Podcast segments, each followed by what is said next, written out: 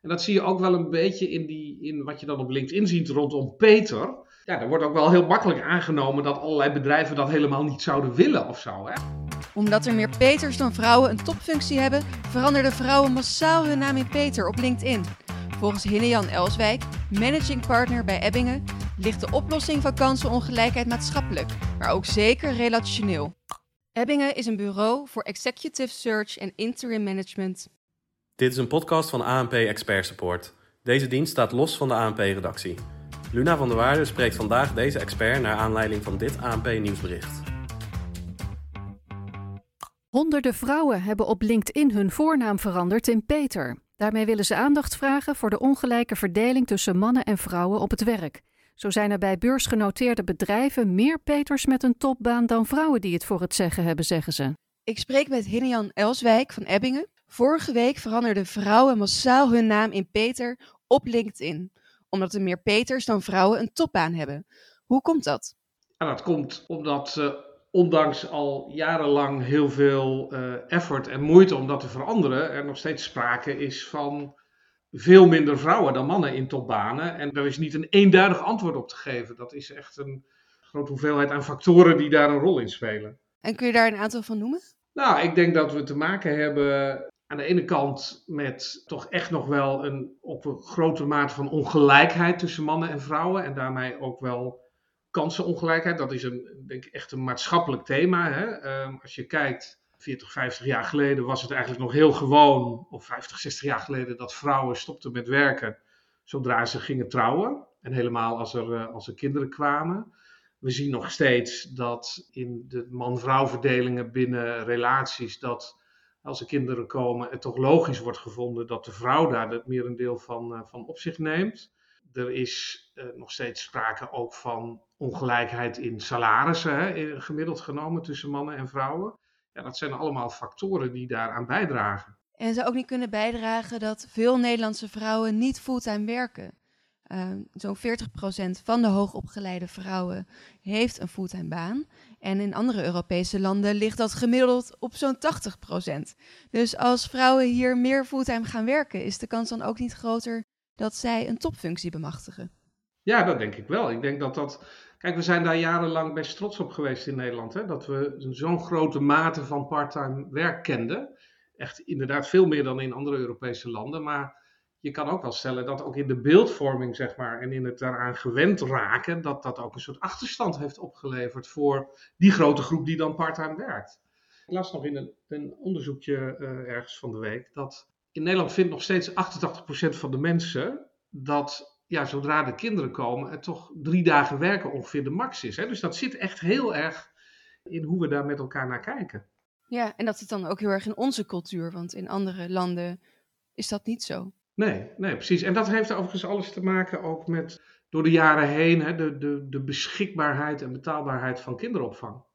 Dat zie je ook in andere landen, in sommige mediterrane landen, dat dat heel anders is. Dat er overigens ook in de familiekring veel meer wordt gedaan. Maar in Scandinavië is natuurlijk al jarenlang kinderopvang gratis. Nou, dat, dat staat hier nu in het regeerakkoord. Ik denk dat dat heel goed nieuws is.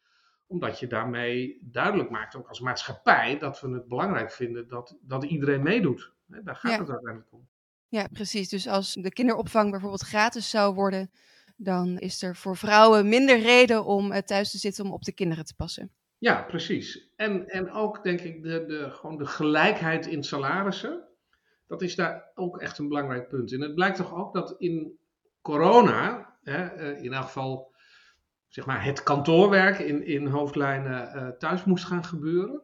En dan zie je toch dat daarin dan het werk van de man zeg maar, belangrijker wordt gevonden dan het werk van de vrouw. En dat de man meer mogelijkheden krijgt thuis om dat te doen dan de vrouw.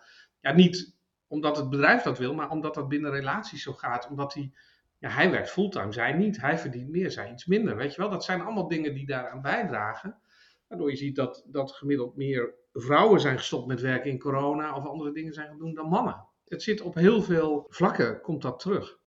Ja, en wat moet er dan concreet gebeuren om uh, meer vrouwen aan het werk en eigenlijk ook meer vrouwen aan de top te krijgen? Ik denk dat uh, uh, quick fixes zijn niet mogelijk in dit, in dit onderwerp. Hè? En we zijn denk ik ook best wel op de goede weg om, om juist in die randvoorwaardelijke sfeer meer dingen te doen. Een heel goed ding vind ik de mogelijkheid om voor mannen om rondom de geboorte verlof te nemen. Dat is op dat moment in dat gezin is dat fijn. Maar als je er wat breder naar kijkt, dan kunnen mannen daarmee ook alvast wel wat wennen aan die rol. Hè? En kun je die taakverdeling al vanaf het kind geboren is, zeg maar, op een andere manier inregelen met elkaar. En dat, dat, daar wordt mondjesmaat van gebruik gemaakt, wel steeds meer. Ik denk dat dat ertoe leidt dat we daar met elkaar toch wel anders naar gaan kijken. Ik denk als we gewoon echt binnen bedrijven en organisaties erop letten dat die loonkloof tussen mannen en vrouwen uh, wegvalt, dat daarmee ook, ook verbetert. En nogmaals, ook de, de kinderopvang gratis, hè, dat is echt wel een heel belangrijk uh, ding. En ja, dat daarmee langzamerhand ook die maatschappelijke opvatting, of misschien zit dat zelfs al in onze cultuur, gewoon kan veranderen naar een veel logischer uh, blik op die gelijkheid tussen mannen en vrouwen. Ja, dus eigenlijk ligt de oplossing bij het aantrekkelijker maken voor vrouwen om fulltime te gaan werken. Je kan wel zeggen, vrouwen meer fulltime werken. Je zou ook kunnen zeggen, moeten er niet meer mannen parttime werken?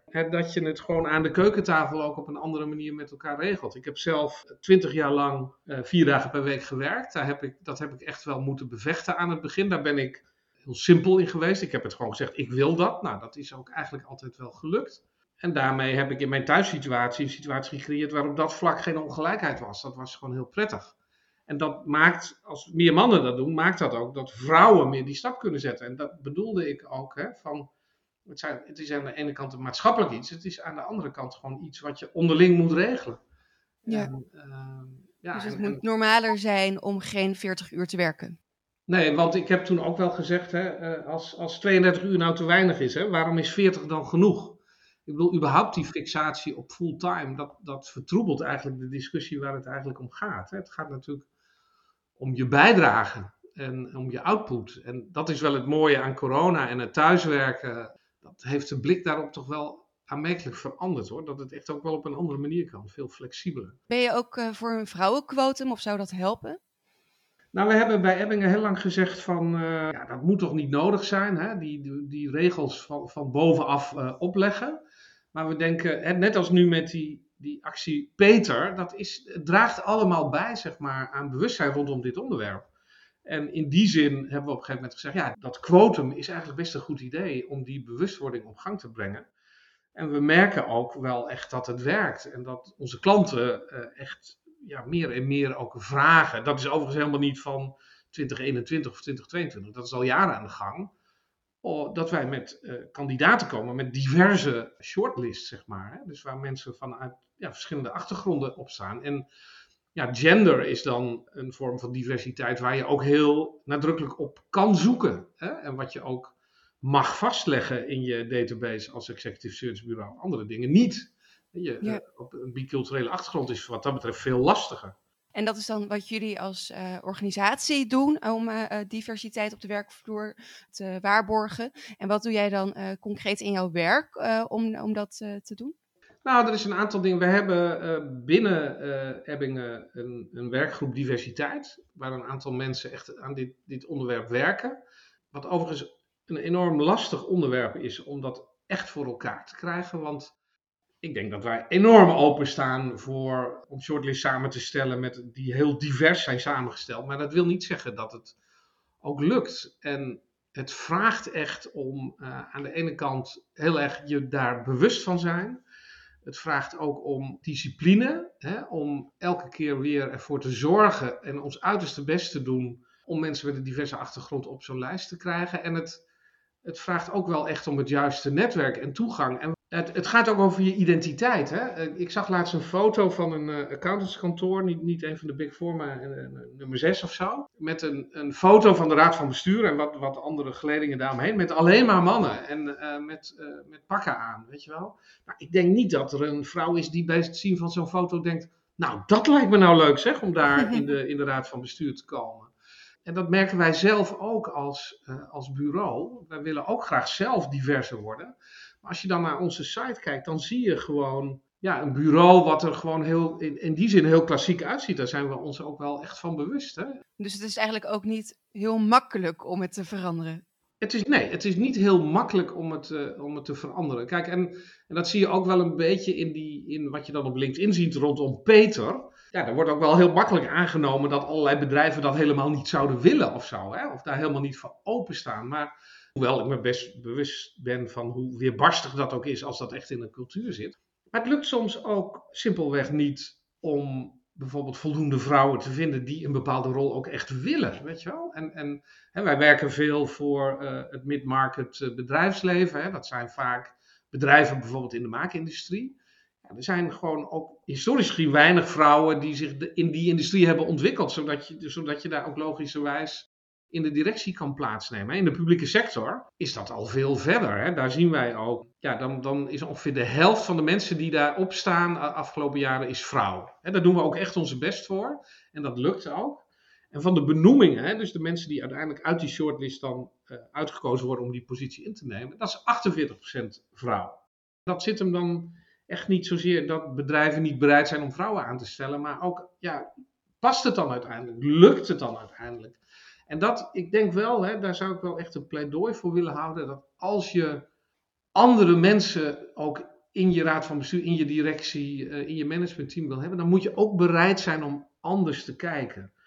En wij zien wel organisaties grote stappen maken die niet alleen maar naar hele specifieke ervaring kijken, maar ook, ook heel erg naar, naar competentie, naar persoonlijkheid, naar ambitie. Van wat komt iemand dan brengen? En daarnaast ook het punt dat er wel een soort allergie is, ook bij kandidaten zelf, om vanwege dat aspect wat jou divers maakt, te worden aangenomen. Weet je wel, dat is, op zich is het niet een qualifier. Weet je? Dat, ja, precies. Heel... Dus dat iemand wordt aangenomen vanwege diversiteit en niet vanwege de kwalificaties. Maar ja, aan de andere kant, de enige manier om het te veranderen is, uh, is door deze eerste stappen te zetten, toch?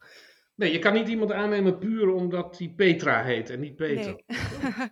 nee, en als we dan even kijken naar de Peters op LinkedIn. Ja, is dat niet ook een beetje social media activisme? Wat, ja, wat verandert dat nou echt? Nou, ik denk dat, dat daar niks mis mee is. Uh, ik, het is een hele ludieke manier. Maar ook social media activisme is, is activisme, toch? En dat kan echt wel leiden tot nou, die verandering van dat bewustzijn wat we met elkaar denk ik nodig hebben. Ja, met een gratis kinderopvang en meer gelijkheid en uh, gelijke salarissen, dan uh, ja, kunnen we denk ik grote stappen maken.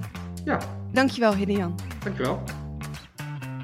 Deze en andere experts staan in de database van ANP Expert Support. Ga voor meer informatie naar anp.nl/slash expertcast. Dit is een podcast van ANP Expert Support. Deze dienst staat los van de ANP-redactie